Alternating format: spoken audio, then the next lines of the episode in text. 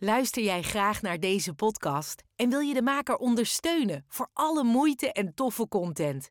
Geef dan, als je wat kan missen, een digitale fooi. Dat doe je via d.com zonder abonnement of het achterlaten van privégegevens. Dus d.com.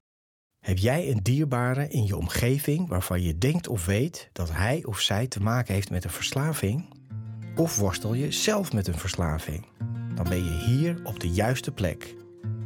Mijn naam is René van Kolm en na 30 jaar verslaving ben ik clean en in herstel vanaf 2010 en werk ik sinds 2015 als familiecounselor. Dit houdt in dat ik de mensen in de directe omgeving van iemand met een verslaving help. Want als je dicht bij iemand staat die verslaafd is, is het echt belangrijk dat je weet wat je wel en beter niet kan doen. Deze podcast neem ik je mee in de wereld van verslaving en de verslaafde en leer ik je met mijn kennis en ervaring hoe jij hiermee om kan gaan, wat herstel is en wat je kan doen om jouw dierbaren te helpen en zelf overeind te blijven.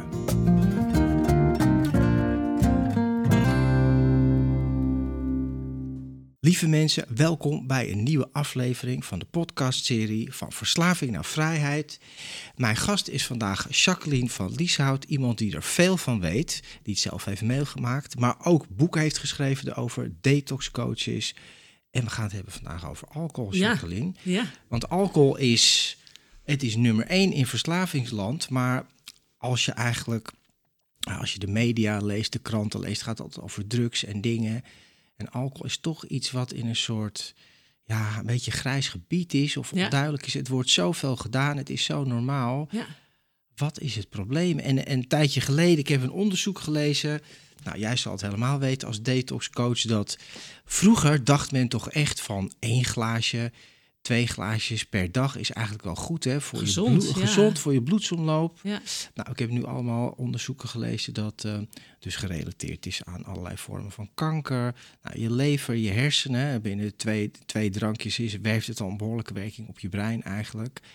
En twee glaasjes per dag zijn er volgens mij in rekenkunde 14 in de week. En nou, tel ze maar op per maand. Dat zijn toch aardig wat hoeveelheden. Dus Nou, en dan is het nog de vraag: eh, nemen mensen dan een glas zoals de wetenschap een glas ziet? Waar Ja. 10 gram alcohol in zit. Dus dat betekent als het om bier gaat 250 milliliter. Dat is nog geen blikje.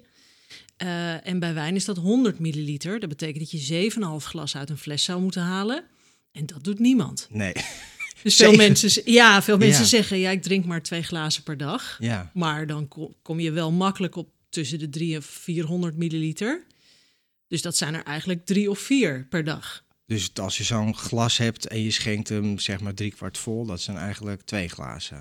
Of Ja, je, het is leuk om het eens zelf eens te testen. Eh 100 milliliter, gewoon in een eh, Ja. maatbeker en dan in je glas. Dan schrik je echt van, dat is dus één glas. dat is best weinig. Dus. Ja, en dan zijn mensen vaak boos op mij. Ja, maar in de horeca krijg je 150. Ik zie, ja, dat is prima. Maar als je Ja. kijkt naar wat het aanricht... Dat is heel ernstig inderdaad. Bij kleine hoeveelheden al, dan is 100 milliliter een standaard glas wijn. Ja. Nou heb ik nooit, en ik heb ook nog nooit iemand gezien die met een maatbeker Nee, zijn alcohol, 100 Nee. milliliter, dat klinkt, dat is, klinkt als echt weinig. Dat is echt zo'n mini, mini Nee, het is echt heel weinig. En daarom is ook voor het plaatje is 7,5 glas. Moet je dus uit een fles kunnen halen. Dan zegt iedereen, nee, we halen vijf glazen uit een fles. Dat is een beetje Ja. wat mensen aanhouden. En dan denken ze, ik heb maar één glas op. Ja. Nou ja, ik kom ook. Ik, ik hoor natuurlijk heel veel op mijn werk. Hè. Eh, ik ben familiecounselor en, en vraag ik ook altijd. Die hebben dan iemand met een verslaving in de familie. Dat is allemaal heel ernstig en dramatisch. Maar dan zeg ik ook. Van hoe is het met je eigen gebruik? Nou, ik gebruik niks naar alcohol. Ja, ja, ik drink wel. Nou, dat is ook het gebruiken. Ja. Maar heel veel mensen zijn er toch heel onbewust over. Die zeggen dan, ik ken ook iemand nou, die echt wel één fles of meerdere iemanden, moet ik zeggen, die rustig een fles per dag leeg Oh, drinkt. ja. En daar zijn er echt veel mensen van. Gewoon wijn, Ja. hè? Ja. Maar ja, wijn is toch ook gezond en er zitten allemaal druivensappen en goede stoffen in. ja, ik zeg altijd, het is een skelet met een Chanel-jas aan. En maar ik denk dat het grote probleem is, met alcohol is het woord alcoholist. Dat is het grote probleem.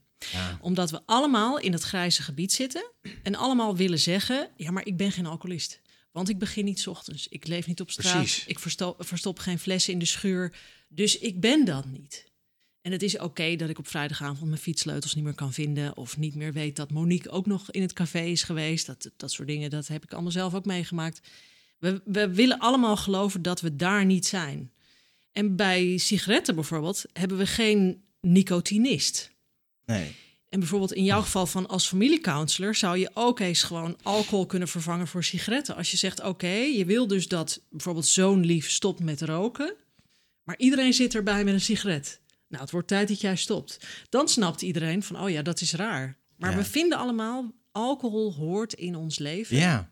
Dat moeten we eigenlijk normaal, daar moeten we normaal mee om kunnen gaan. Ja, en dat is natuurlijk ook, denk ik dan gewoon. Hè, vaak zeggen mensen ook, eh, drugs dat probleem, je moet gewoon alles legaliseren. Maar dan denk ik, ja, volgens mij is dat niet de oplossing. Want dat is juist als je alcohol is gelegaliseerd. Ja. Maar dat geeft, en ik ben niet tegen voor of, of niet legaliseren, maar het geeft toch wel de boodschap af van.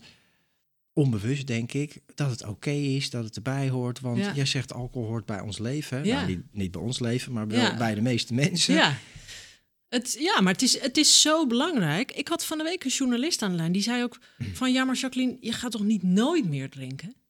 Je gaat toch wel weer op een gegeven moment normaal drinken? Ja. En wanneer kan ik weer normaal drinken? Nou, en dan haal ik hetzelfde aan wat ik net te- tegen jou zei van sigaretten. Van zeg je ook tegen een ex-roker van... Wanneer ga je weer normaal roken? Ja. En dan schrikken mensen precies vanwege wat jij net zei, omdat ze alcohol niet serieus nemen. We Nee. nemen het middel niet serieus. Maar we zien het overal. Toen wij jong waren, zagen we het, en dat is nu nog steeds, in alle films, in alle televisieseries. Ja, James. Bond. Eh, bij een geslaagd leven hoort een mooie wijn, een champagne, een dit en dat.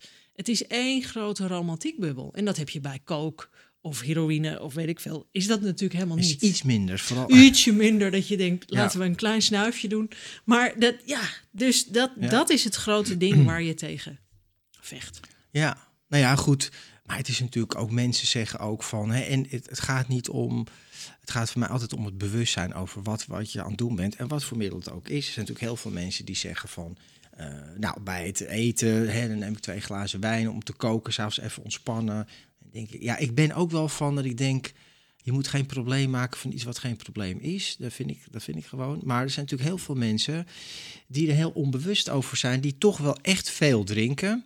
En dan hè, twee bij het eten, daarna nog cognacje en dingen. En alleen al voor je gezondheid heeft het natuurlijk een grote impact. Want jij bent detoxcoach, Ja. gezondheidsexpert. Kan je er iets over vertellen? Nou- Wat doet nou alcohol met je gezondheid? Nou, ehm, het is, eh, eh, dit is het meest gezellige deel van deze podcast. Eh, pas geleden hoorde ik van een hoogleraar, ze dachten verantwoordelijk voor zeven soorten kanker, maar dat is nu al opgeschroefd naar veertien. Eigenlijk ehm, vanaf de minste hoeveelheid heeft het effect op alles waar het langs gaat. Mond, keel, strottenhoofd, hals, slokdarm. Veel slokdarmkankergevallen Ja. zijn aan alcohol gerelateerd. Eh, uiteraard lever, darmen, enorm grote speler op de darmen. Eh, ja, ook al in kleine hoeveelheden borstkanker, eh, Hm. enorme grondslag. Los van hersenziektes, Alzheimer, diabetes, ook overgewicht, stofwisselingsstoornissen. Ehm, maar heel lang hebben we gedacht, dat is dus ook, en daar komt dat woord alcoholist weer, dat is alleen maar een probleem van de alcoholist. Precies.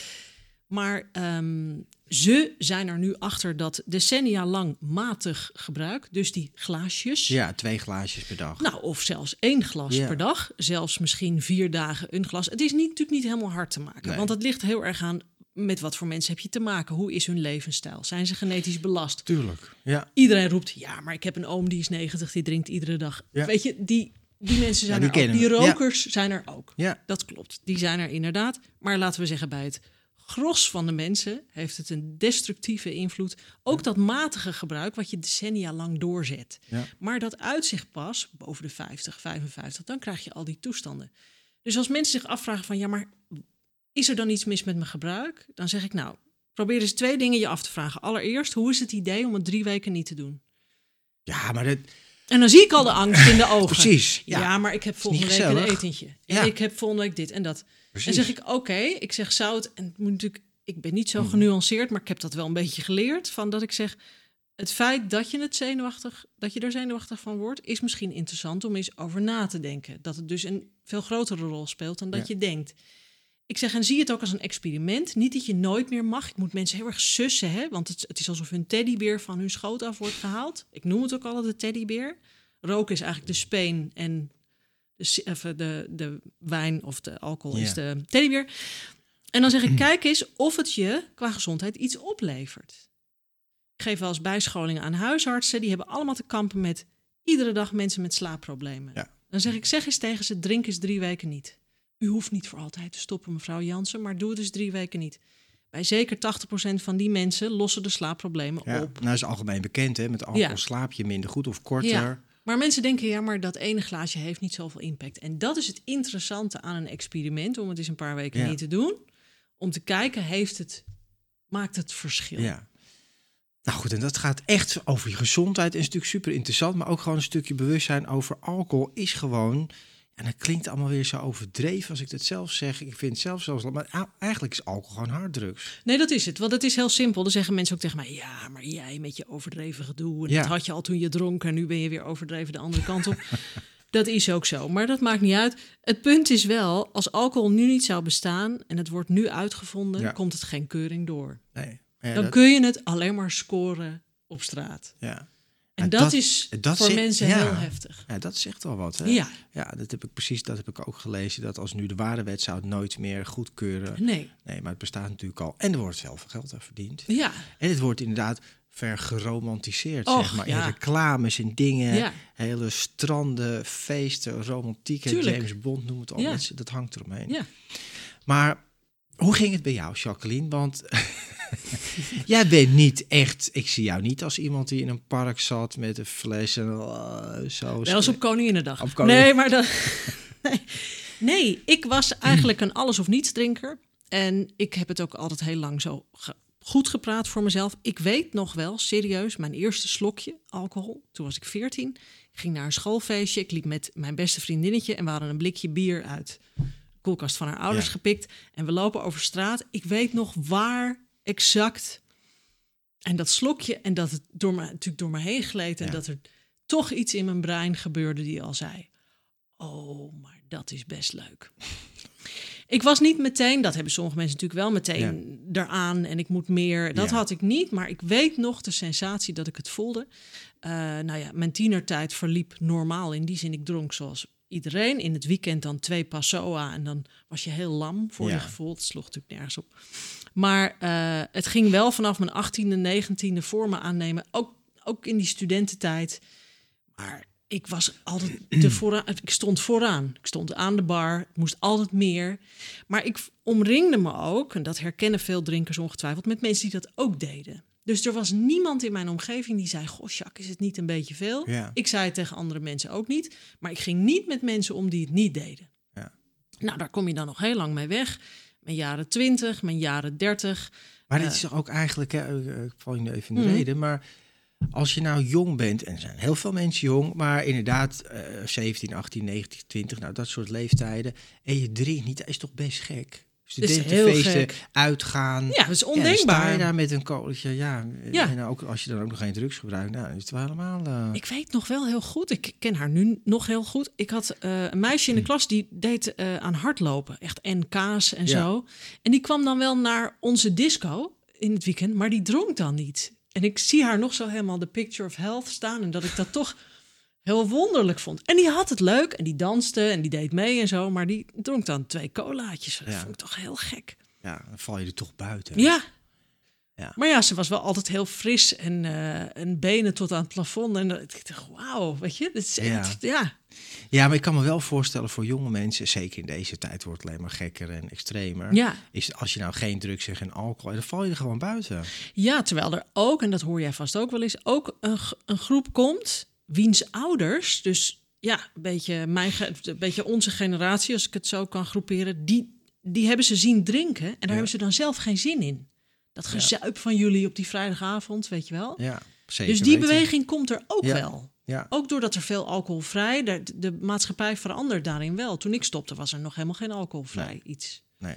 Water is ook vrij alcoholvrij. Is ook best Ja. alcoholvrij, ja. Maar goed, bij jou ging Ja. het in jouw tienerjaren, je ging... eh, Ik ging door en eigenlijk heb ik Hmm. dat studentengedrag heb ik gewoon doorgezet. En de mensen om mij heen deden dat ook. Als, Hoeveel, hoeveel dronk je dan? ik dronk drie keer in de week, denk ik, drie, misschien vier keer. En dat was dan een keer thuis, een keer met eten met vrienden en een keer in het café. Ja. En dat kan net iets anders zijn geweest. Maar dan starten was doorgaan.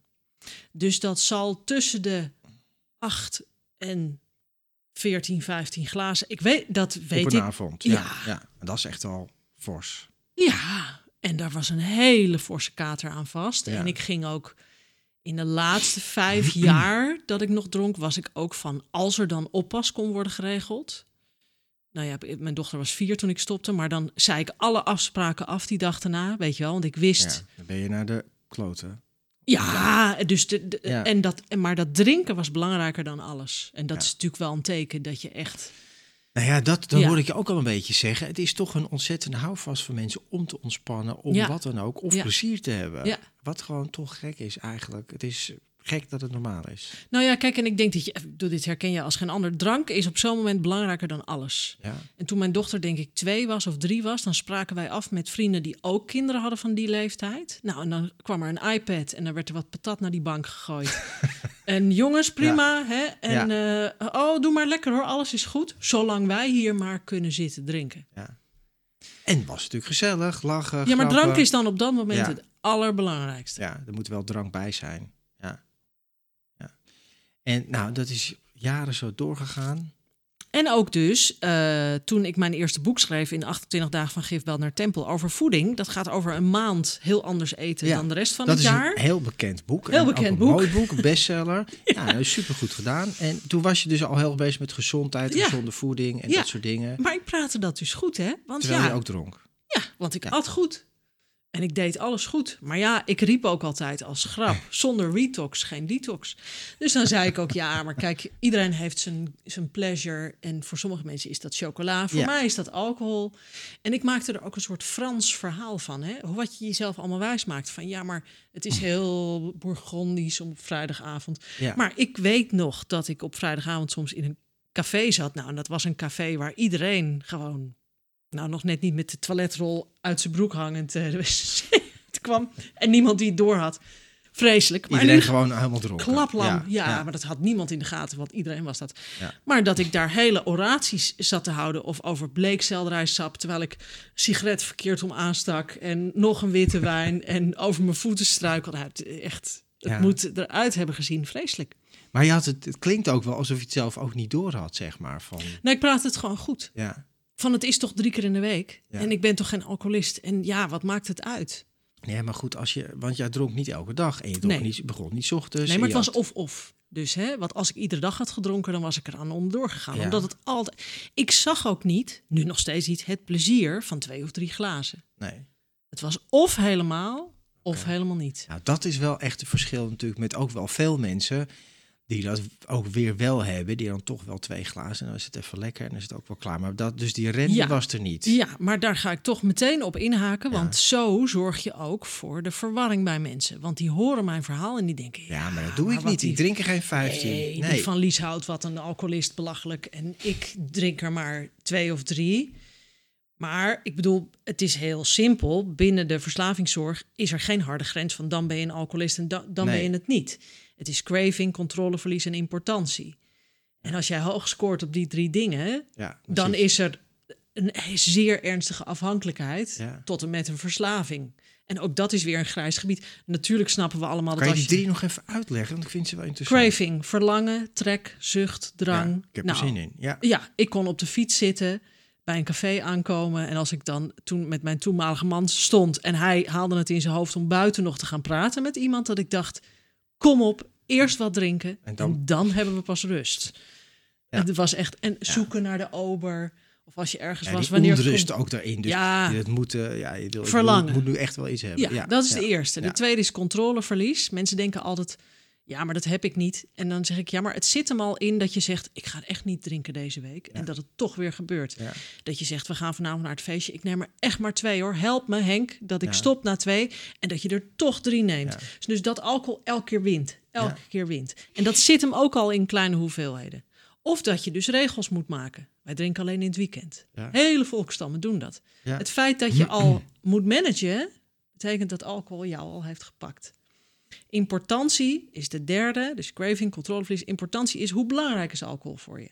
Dus komt er een gelegenheid, heb je een huwelijk, komt je schoonmoeder eten, eh, ga je uiteten, whatever het is, is het vijf uur. Komt er dan acuut een, ja, maar daar hoort dat bij. Ja. Hoe belangrijk is de plek ervan? Nou ja, dat, ik vind wel dat je het heel mooi uitlegt, Jacqueline. En eh, dat is ook wel zo, zoals ik het altijd ook uitleg aan mensen, is het ook wel... Eigenlijk zou je het heel simpel kunnen zeggen... dat als je het weghaalt, dan gebeurt er helemaal niks in jou. Dus als het er wel Ja. of niet is, heeft geen enkele die importantie, Ja. belangrijkheid.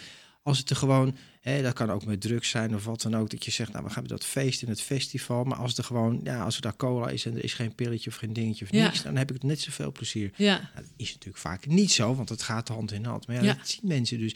Mensen hebben toch het idee, hè, wat jij zegt, ik ben geen alcoholist, ik ben geen junkie, Ja. want dat is iemand die bij het leger des heils Ja. zit of in het park dronken zit. Bartaal uitslaat, Ja. wat wij ook wel hebben gedaan. Ja.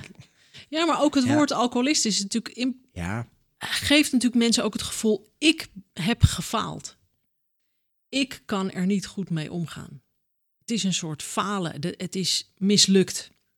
Ik hoor als normaal mens normaal met een harddruk om te gaan. Wat volslagen debiel is. ja.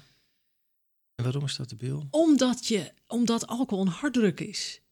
Dus je kunt ook niet tegen. Ik bedoel, als je muizen of ratten aan kook of alcohol of heroïne zitten, raken ze verslaafd. Ja. Want dat is de nature of the beast. Dat is de natuur van het middel wat voor je neus staat.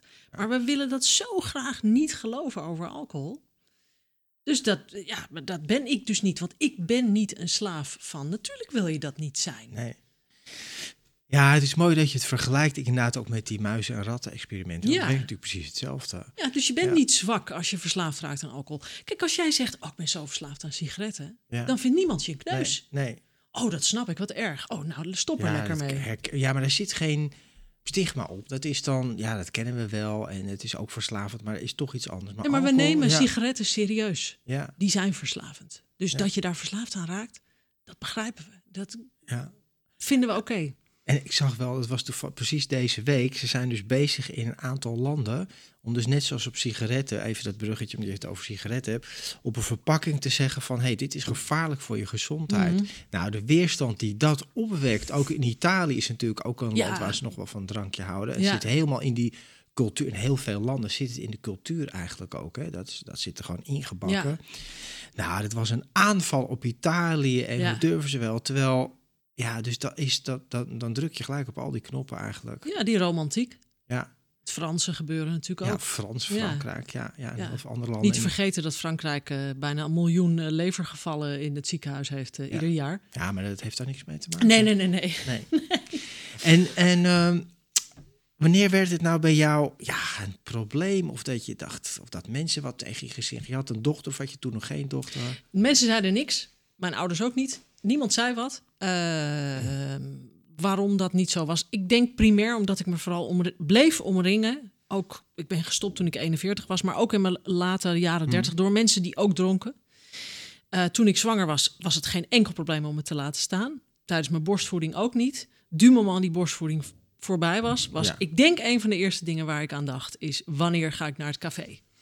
En was ik ook hoogst geïrriteerd dat ik maar vier glazen kon drinken en toen al echt eh, lam was. Ik denk, oh, ik moet toch wel snel weer aan mijn tolerantie werken. Als ik het nu vertel, denk ik, het is natuurlijk volslagen de bil. conditiewerk, ja. Ja, gewoon. Weer, even, weer even bijtanken, letterlijk. Ehm, ik vind het nog steeds te absurd voor woorden dat de vader van mijn dochter, mijn ex Ja. en ik samen aan tafel zaten terwijl zij sliep, een jaar ou- oud. En wij aan tafel zaten en drie flessen wijn opdronken. En geen seconde dachten, dit is niet normaal. En je- Wat als er wat gebeurt? Precies. Ja, je bent gewoon niet toerekeningsvatbaar. Je kan niet rijden. Volslagen absurd. Ja. De, het kwam niet in ons op, want dat was om alles te vieren. Dus als ik terugkijk, was er dus ook een, ja, een universele interventie nodig voor ons. Eh, hij kreeg een infarct op 1 juli 2016. Ehm eh, belandde natuurlijk in het ziekenhuis, is direct gedotterd, heeft daarna geen schade aan het hart gehad. Wij gingen drie weken daarna, of eh, de cardioloog wijte dat aan roken. Hij was Ja. een forse roker vanaf zijn dertiende. eh, van dat is de reden waarom hij het gekregen heeft. Het kwam niet in mij op dat er een link was met alcohol. Bij hem ook niet. Niemand had het erover. Heel bizar. Nee. Werd Ja. niet naar gevraagd. Drie weken daarna zijn wij samen naar Terschelling gegaan. Drie dagen op vakantie. Ehm, batterij medicatie mee. Du moment wij daar aankwamen, zagen wij een strandtent. Het was één uur 's middags. Een lekker flesje Sauvignon. Ja, Gaat er wel in.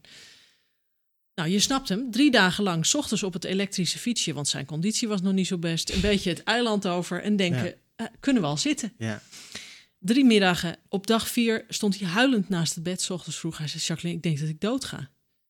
Dus ik kijk hem aan. Ik denk, wat is er aan de hand? Nou, zijn lijf, zijn lever, zijn Ja. systeem kon die drank helemaal niet aan. Hij zegt, ik moet een huisarts, ik moet een huisarts. Nou, wij zijn er naartoe gegaan en ik was in shock. Nu, als ik nu nog terugdenk, was ik in shock. En nooit bij stilgestaan dat dat met de relatie in die alcohol was. Toen, die Ja. ochtend. Ja. Toen, die ochtend. En hij, zei- want hij zei ook, ik doe, waarom hebben we dit, waarom heb ik dit, had eigenlijk over zichzelf natuurlijk, waarom heb ik dit gedaan? Waarom heb ik hier niet, ik doe dit nooit meer, ik doe dit nooit. Maar hij was, had echt doodsangst. Zijn Ja. lijf voelde het zo slecht. ja, als je gedotterd bent net en een hartinfarct en je gaat daarna weer zo drinken. debiel. Ja, maar dat, dat wil ze ook iets zeggen over hoe daar dus gewoon helemaal niet over na wordt gedacht door bijna iedereen. Nee, maar wij hebben dit nodig gehad. Zo'n Ja. shock in het systeem. En we zaten bij die huisarts en hij zat aan de noppen. Eh, klaar om te denken, moeten we met de helikopter naar Groningen of weet ik Ja. het. En ik zat op een krukje in een hoek. En die huis, ja echt, ik zie me nog zitten. En die huisarts zei, wat hebben jullie gedaan? Ik zeg, ik maakte er nog een grap van. Ik zeg, we hebben in een bad met Sauvignon Blanc gelegen. Du moment ik het zei, voelde Ja. ik alsof, er een, alsof de hemel open ging en dacht ik, nu is het klaar. Nu is het klaar. Met wat ik nu zie hier, het is afgelopen. Ik dacht niet, ik ga nooit meer drinken. Maar ik dacht wel voorlopig, dit kan echt niet meer. Ja.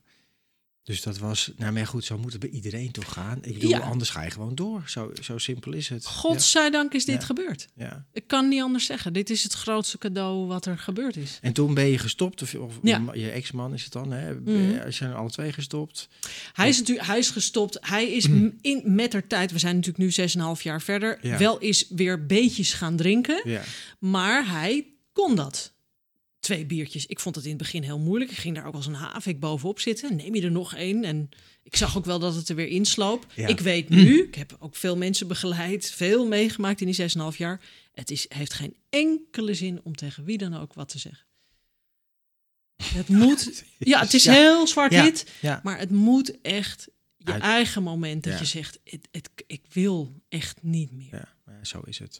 Dat weet jij ook. Ja, ik weet het alles van. Ja, trek aan duur. Iemand die en, en, die- en die hele wedstrijd van je moet het niet doen en eh, dat soort gaan verkopen aan iemand die boodschap heeft helemaal geen zin. Je moet die ervaring hebben en helaas is dat niet een leuke ervaring. Maar er zijn natuurlijk ook heel veel mensen die er gewoon nooit achter komen, maar wel allemaal lichamelijke klachten krijgen, maar die link ook helemaal niet leggen daaraan. Nee. En zeker inderdaad, kijk, als je 20 en 30 bent, kan je wel een stootje hebben. Ja, Hè, dus de- dan, Ja. hoewel je natuurlijk ook wel vaker hoort, ik hoor het nu wel iets minder, maar je hebt natuurlijk heel veel jongeren met dat coma-suipen, hè, die dan oh ja. inderdaad 14, 15, 16 zijn. Nou, Ja. die zijn nog klein van stuk, dat brein is niet ontwikkeld en heel veel alcohol en die gaan gewoon oud. Maar goed, en, Ik zeg ook wel eens Ja. tegen ze, om daarop eh, aan te sluiten. Ik zeg, besef je dat het overgeven komt omdat je lijf anders doodgaat. Ja, dat- Het geeft over. Ja. Nee, mensen schrikken daarvan. De jongeren schrikken daar ook Ja. van. Nee, maar dat is gewoon omdat je misselijk bent. Nee, ik zeg, je lijf zegt eruit, eruit, eruit. Want anders ga ik dood. Ik kan deze gifstroom niet aan. dat is toch wel heftig als je het zo zegt. Het is heel heftig, hè? maar dat is heel heftig omdat we in die romantiek leven van alcohol. Ah, lachen, zuipen, leuk. We zien het onze ouders doen. Ze schenken het bij wijze van spreken nog voor ons in. ja, het is eigenlijk gewoon, heel, als je het zo zegt, is het wel heel bizar hoe het gewoon. Maar ja, eigenlijk van, van de week dacht ik ook nog. ehm, in de jaren 50, en zeker voor ons voelt dat helemaal niet als heel erg lang geleden, werden sigaretten gewoon aangeraden. Ja, Zag je reclames van zwangere vrouwen? Van dit is de juiste sigaret voor als je zwanger bent. dit is de Ja. dokter rookt Camel. ja. In het Dus ziekenhuis niet zo heel lang- is niet zo heel nee, lang is niet zo geleden. heel lang geleden. Nee. Dus ik hoop dat we over een aantal decennia Zeker. terugkijken op de debiliteit van die romantisering. Ja, maar wij zijn met deze podcast nemen wel iedereen zijn plezier weg, eh, Jacqueline. Hoe moet dat nou? Want het is allemaal niet meer leuk. We mogen niks meer geen. Ja, maar het, is natuurlijk, het verhaal is natuurlijk veel groter en daar kunnen we drie dagen over praten. En dat vind ik het interessantste. Mm. We gaan drinken. Of ik zie het altijd zo. Weet je, als je kind bent en je bent boos, dan ben je boos, laat je het zien. Gooi het eruit en je gaat weer door met Ja. je leven. Je bent verdrietig, heel hard huilen. En terwijl de tranen nog opdrogen, ga je de volgende Playmobil-toren bouwen. Ergens in je tienertijd leer je om sociaal geaccepteerd te zijn, om relaties aan te kunnen gaan als het vriendschappen, andere relaties, whatever. Moet je je emoties onder controle houden. Moet je leuk doen, moet je gezellig doen, moet je meedoen. Ja. En alcohol is een fantastisch middel om jouw hele eigenheid, jouw eh, emoties, jouw gevoeligheid, jouw, wat jouw eigen blauwdruk ook is, te dempen. En om jezelf dus goed te kunnen manifesteren. Ja. Dat is de kern van het verhaal. Dus als we, en ik weet dat dit heel idealistisch groots is, maar als we die kern gaan bekijken, dan denk ik, dan hoop ik dat we verdovende middelen in ons leven minder nodig gaan hebben. Ik zeg ook vaak tegen mensen, want dan zeggen ze, ja, maar ik heb altijd gedronken. Ik zeg, er is een tijd geweest dat jij nooit dacht, toen je tien was, om vijf uur 's middags, dit zou pas echt leuk zijn als ik een paar wijntjes kon tikken. Ja. Ja, het is heel mooi. Het is natuurlijk heel een heel groot iets, hè, wat Ja. ik nu noem. Maar wat, dat is ook wat ik hoorde jou eerder zeggen over legaliseren of niet. Ja. Laten we eens naar de kern kijken. Waarom willen we als mensheid zo graag verdoven? Nou ja, maar dat is het ook, weet je. En dat is eigenlijk, zoals ik het zie, echt ook een spiritueel ding natuurlijk. Want, Tuurlijk. Ja, dat is, weet je, de, de wereld is ingewikkeld. De mensen zijn niet zichzelf. We zijn onze innerlijke natuur vergeten, wat het Ja. eigenlijk is en wie we eigenlijk zijn. Ja, Ja, en dan wordt het heel lastig geschipperen. Dan moet je gewoon dingen doen om inderdaad te verdoven, ermee om te gaan. Spanningen, stress. Jij zei ook zo mooi van, weet je, in, in families. Als ik terugdenk naar ons, wij- ik kom uit een, gezin met ongelooflijk veel stress. Een heel zwaar eh, gehandicapte broer, twee laten miskramen. Boven mij was alleen maar ellende. Er was, ik had een absurd dominante, gestreste vader. Er was altijd paniek, er was altijd een mijnenveld. Half op vrijdagmiddag. Want dan dronk hij een paar biertjes. Het was niet veel, Ja, maar dan was er span- was rust in ja, huis. ja, maar ja, dat voor veel mensen En ik heb dat, gevoeld. Ja, De leverworst kwam op tafel. Hè? eh, het gla- glas met sigaretten. ja, En ik heb dat gezien als kind. ja. En gezelligheid, ontspanning, verbinding, geen stress. Ja, dus logisch dat ik dat ook ging doen.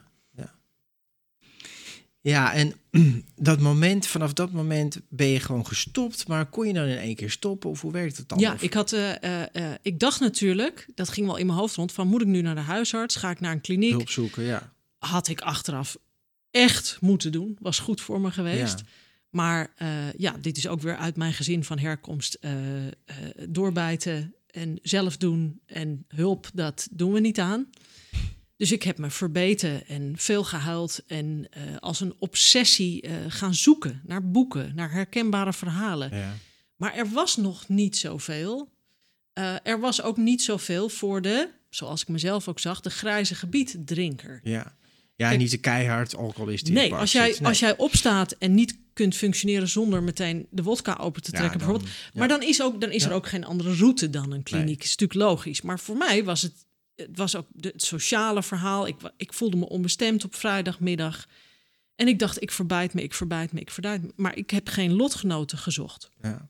Maar goed, ik denk ook, en dat vind ik ook wel, dat de meeste mensen vallen natuurlijk toch in jouw categorie. Hè? Dus ook die herkenning van ja.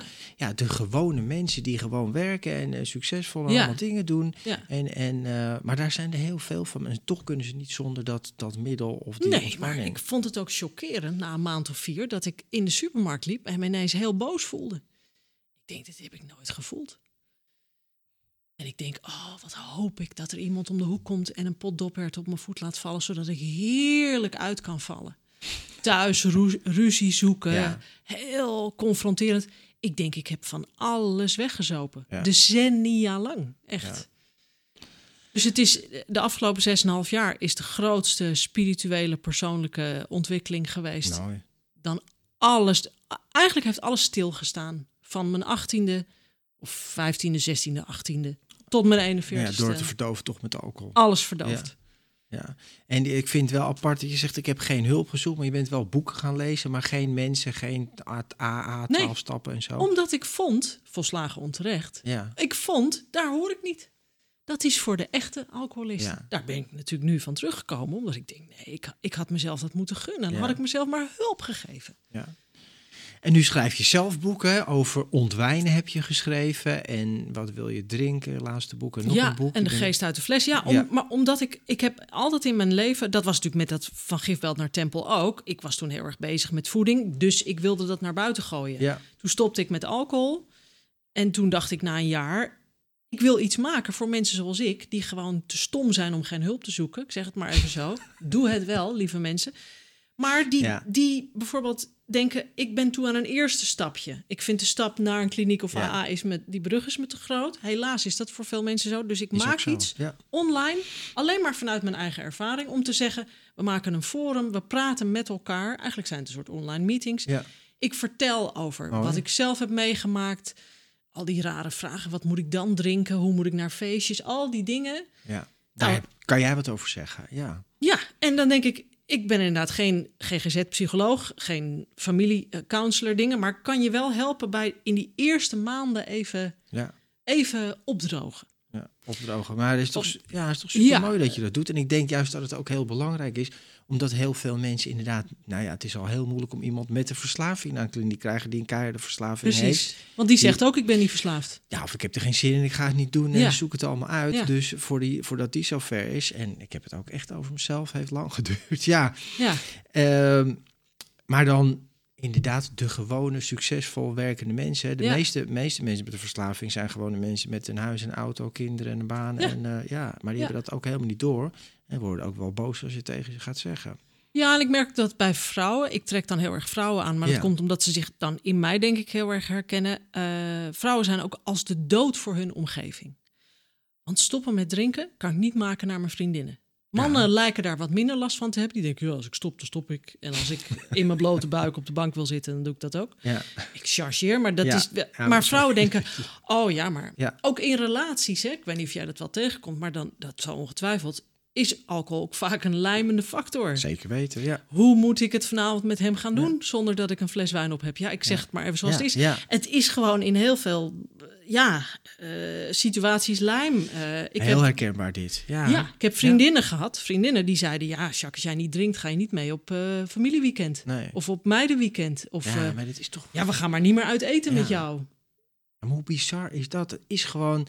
Ja, Ik moet ook zeggen, tijdens deze podcast zit ik er ook meer over na te denken. Ik weet natuurlijk wel, maar door jou word ik er eigenlijk nog bewuster van hoe gek het eigenlijk is. Hè, en hoe inderdaad Ja. dat verbonden is met gezelligheid. Inderdaad, ik kan me voorstellen, heel veel inderdaad vriendinnen of meiden weekenden of dingen zonder drank. Ja, dat gaan we gewoon niet doen. ja. Dus daar valt nog een hele... ja, ik heb ook wel met mijn... Want mensen zeggen altijd, ben je vrienden verloren? En dan lijkt het wel alsof ze hopen dat ik zeg ja... zodat ze zelf kunnen denken, nou, dan stop ik niet met drinken.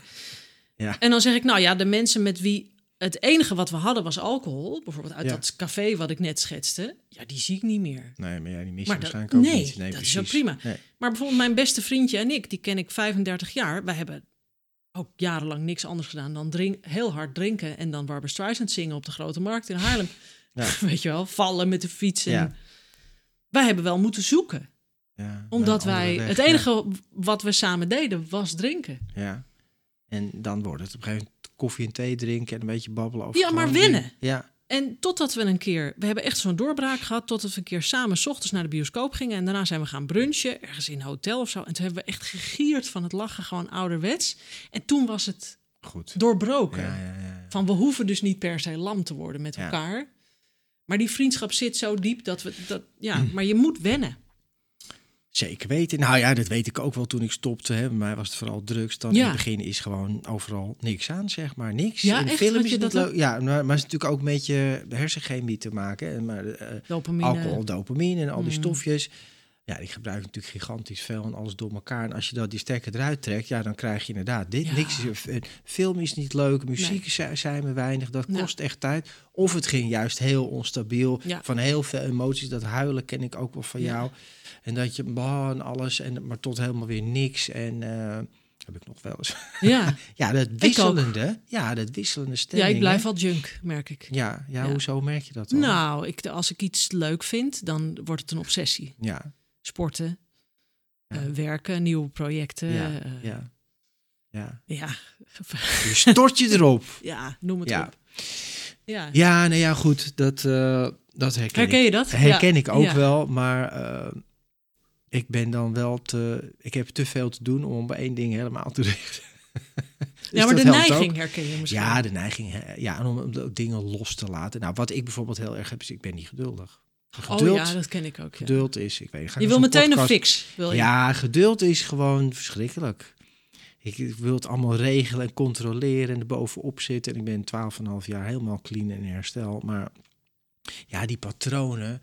Weet je, maar ja, goed, als dat het ergste is, daar, daarmee leren omgaan. Ik Maar de patronen bedoel je van, van ik wil iets, dan wil ik het ook meteen. ja, dan wil ik het, het moet dan nu gebeuren. Ja, En dat ken ik ook wel met, met eh, dat is natuurlijk ook het verschil, denk ik, met alcohol drinken. Mensen, ik bedoel, als ik, ik heb natuurlijk ook alcohol gedronken, maar ik dronk voor het effect. Niet voor, ja, ik het ook. maakt niet uit wat, wat het nou, het gaat om de alcohol. Ja. Het gaat niet om dat hele goed, nou wijn had ik niet zoveel mee, maar een heel goed wijntje uit een bepaald land. Ja, dat je echt zo gaat, oh, Ja, zo nee. door je mond en nee. gor- gorgelen. en Mijn glas is leeg. eh, Wat denk je ervan? Ja. Dat denk je. Ja, ja. nee, dat gaat om het effect. tuurlijk.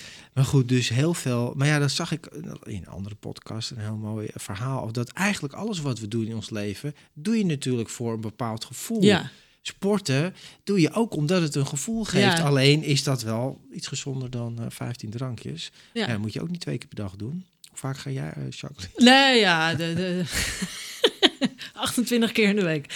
Nee, eh, drie keer. En, of, nou, ik sport en dan nog een keer yoga en zo. Dus Ja. vier keer.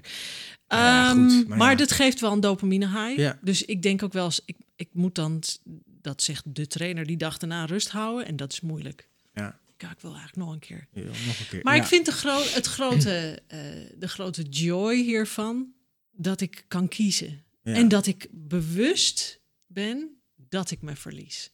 Ja. Want voorheen Nee, wist je, had je... verloor ik me gewoon. Ja, en dan was je gewoon weg. Ja, Ja, en de acceptatie dat, dat me verliezen in dingen en dat ik altijd mateloos zal blijven, die, de, de sleutel zit hem in de acceptatie daarvan. ja. Ik ga niet meer proberen een mateloos, of een, een, een, een mens te zijn die maat kan houden. Ja. Het gaat niet gebeuren en het is oké. Je doet alles gewoon vol gas.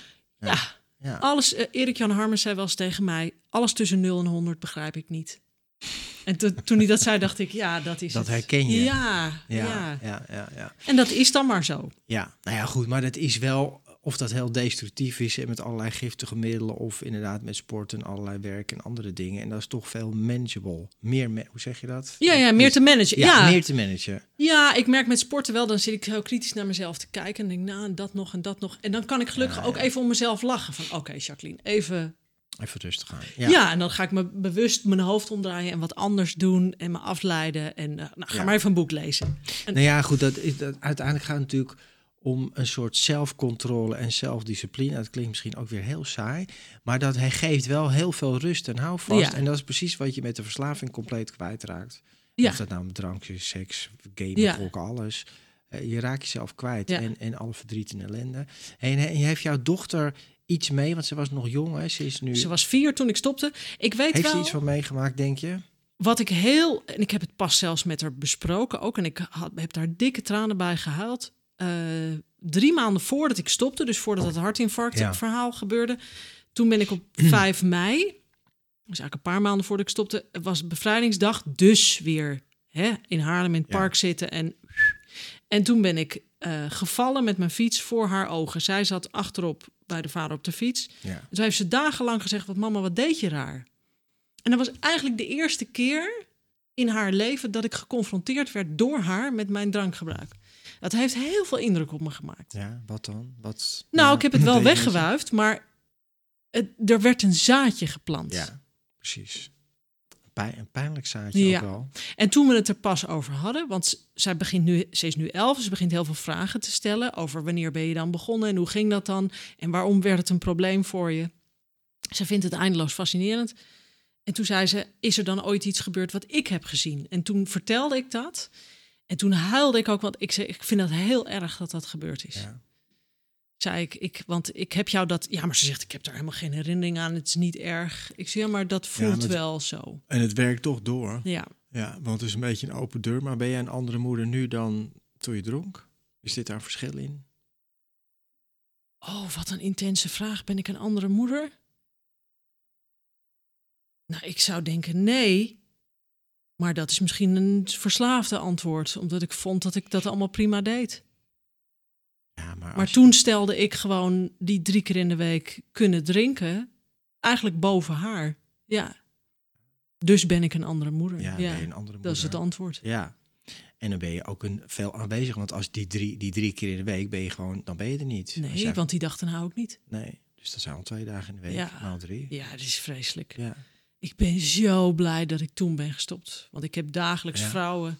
Het mooiste cadeau wat, wat zeker vrouwen mij kunnen geven, is dat ze me bijvoorbeeld rond moederdag vertellen dat hun kind, kinderen aan bed komen met, eh, met, met het dienblad. En dat ze zeggen: Mama, we hebben je weer terug. is mooi. Dan Ja. denk ik, ja, weet je, dit heeft. En dat is om. voor jou natuurlijk. Het heeft effect op het hele systeem. Maar dat is, dat is het gewoon. Alle middelen en alle dingen die gebruiken, en zeker als er sprake is van verslaving, hè, en want daar gaat het om, dan heeft dat zo'n grote impact op het hele gezin, de hele Ja. familie zelfs. Hè. Het is niet alleen de, de nabije mensen, de ouders Ja. of de kinderen, maar ook zelfs oom, tantes, hele systemen worden daarin betrokken. En maken zich zorgen en liggen wakker en toestanden en ruzies en gedoe. Het is echt verschrikkelijk verdrietig. Maar Als ik ook denk, als, als, als ik dat tussendoor mag zeggen, van Ja. mijn ouders, die hebben eigenlijk nooit wat gezegd. En als wij daar op bezoek waren, ook met onze dochter, ja. en dan hadden wij geen drank in huis, want dat hadden we nooit, want dat ging altijd op. Maar dan ging ik even de schuur in met mijn tas en dan pakte ik een fles wijn, die deed ik in mijn tas. Maar dan zag je wel die hals erboven uitsteken. Ja. En mijn vader en moeder hebben dat wel gezien. Maar Ja. pas toen ik gestopt was, hebben ze het tegen me gezegd. Ja. En ik weet toen ik een half jaar was gestopt, dat mijn moeder zei: Ja, ik gun je ook wel een glaasje wijn hoor. En dat zei ze uit haar onschuld. Van... Ja, maar dat mijn vader zei meteen tegen haar: Niet doen, want ze kan er niet maar één drinken. En toen zag ik ook de herkenning in zijn ogen van hij, hij had dat ook. Ja, dat, ja, hij kent het ook dus. Maar dat het toch niet gezegd wordt, dat er niet over gesproken wordt. Hè, dus achteraf werd gezegd, dat is ook typisch wat gebeurt is in families. Hè. Maar niet benoemen, niet zeggen, zeg maar niet tegen papa, zeg maar niet tegen mama. En dan of- hou je het dus in stand. ja, ja, dat is, dat is het grote probleem. En het hele systeem houdt het altijd in stand. Ja. Ja. Mooi. Hey Jacqueline, je geeft voor alle mensen die denken... nou, ik ben geen alcoholist, maar misschien moet ik toch eens gaan onderzoeken... hoe dat bij mij zit. Je hebt net ook gehoord hè, wat voor schade... en dat was het niet leuke stukje van de podcast... wat voor schade het gewoon geeft aan je lijf. Kijk eens bij gewoon Jacqueline van Lieshout.nl Ja, of ontwijnen. ontwijnen.nl. Nou, Ja. hoe makkelijk kan het zijn? Trainingen, informatie. En ik denk juist voor de mensen die niet in een park zitten... en ik denk, nou, het Precies. valt wel mee... maar moet toch eens onderzoeken. Ja, Ga naar haar website en check it out. leuk. Dankjewel. Lieve Jacqueline, dankjewel voor deze podcast. Ja, Hartstikke dankjewel voor de was. uitnodiging. Fantastisch. Dat je hier was. Bedankt voor het luisteren naar deze aflevering van Verslaving naar Vrijheid. Wil je mij een vraag stellen of heb je mijn hulp nodig? Neem dan contact met me op via mijn website renévancolum.nl. Luister je graag naar deze podcast? Laat de maker weten dat je waardeert wat hij of zij doet en geef een digitale fooi. Dat kan zonder abonnement, snel en simpel via fooiepot.com. Fooiepot met een d.com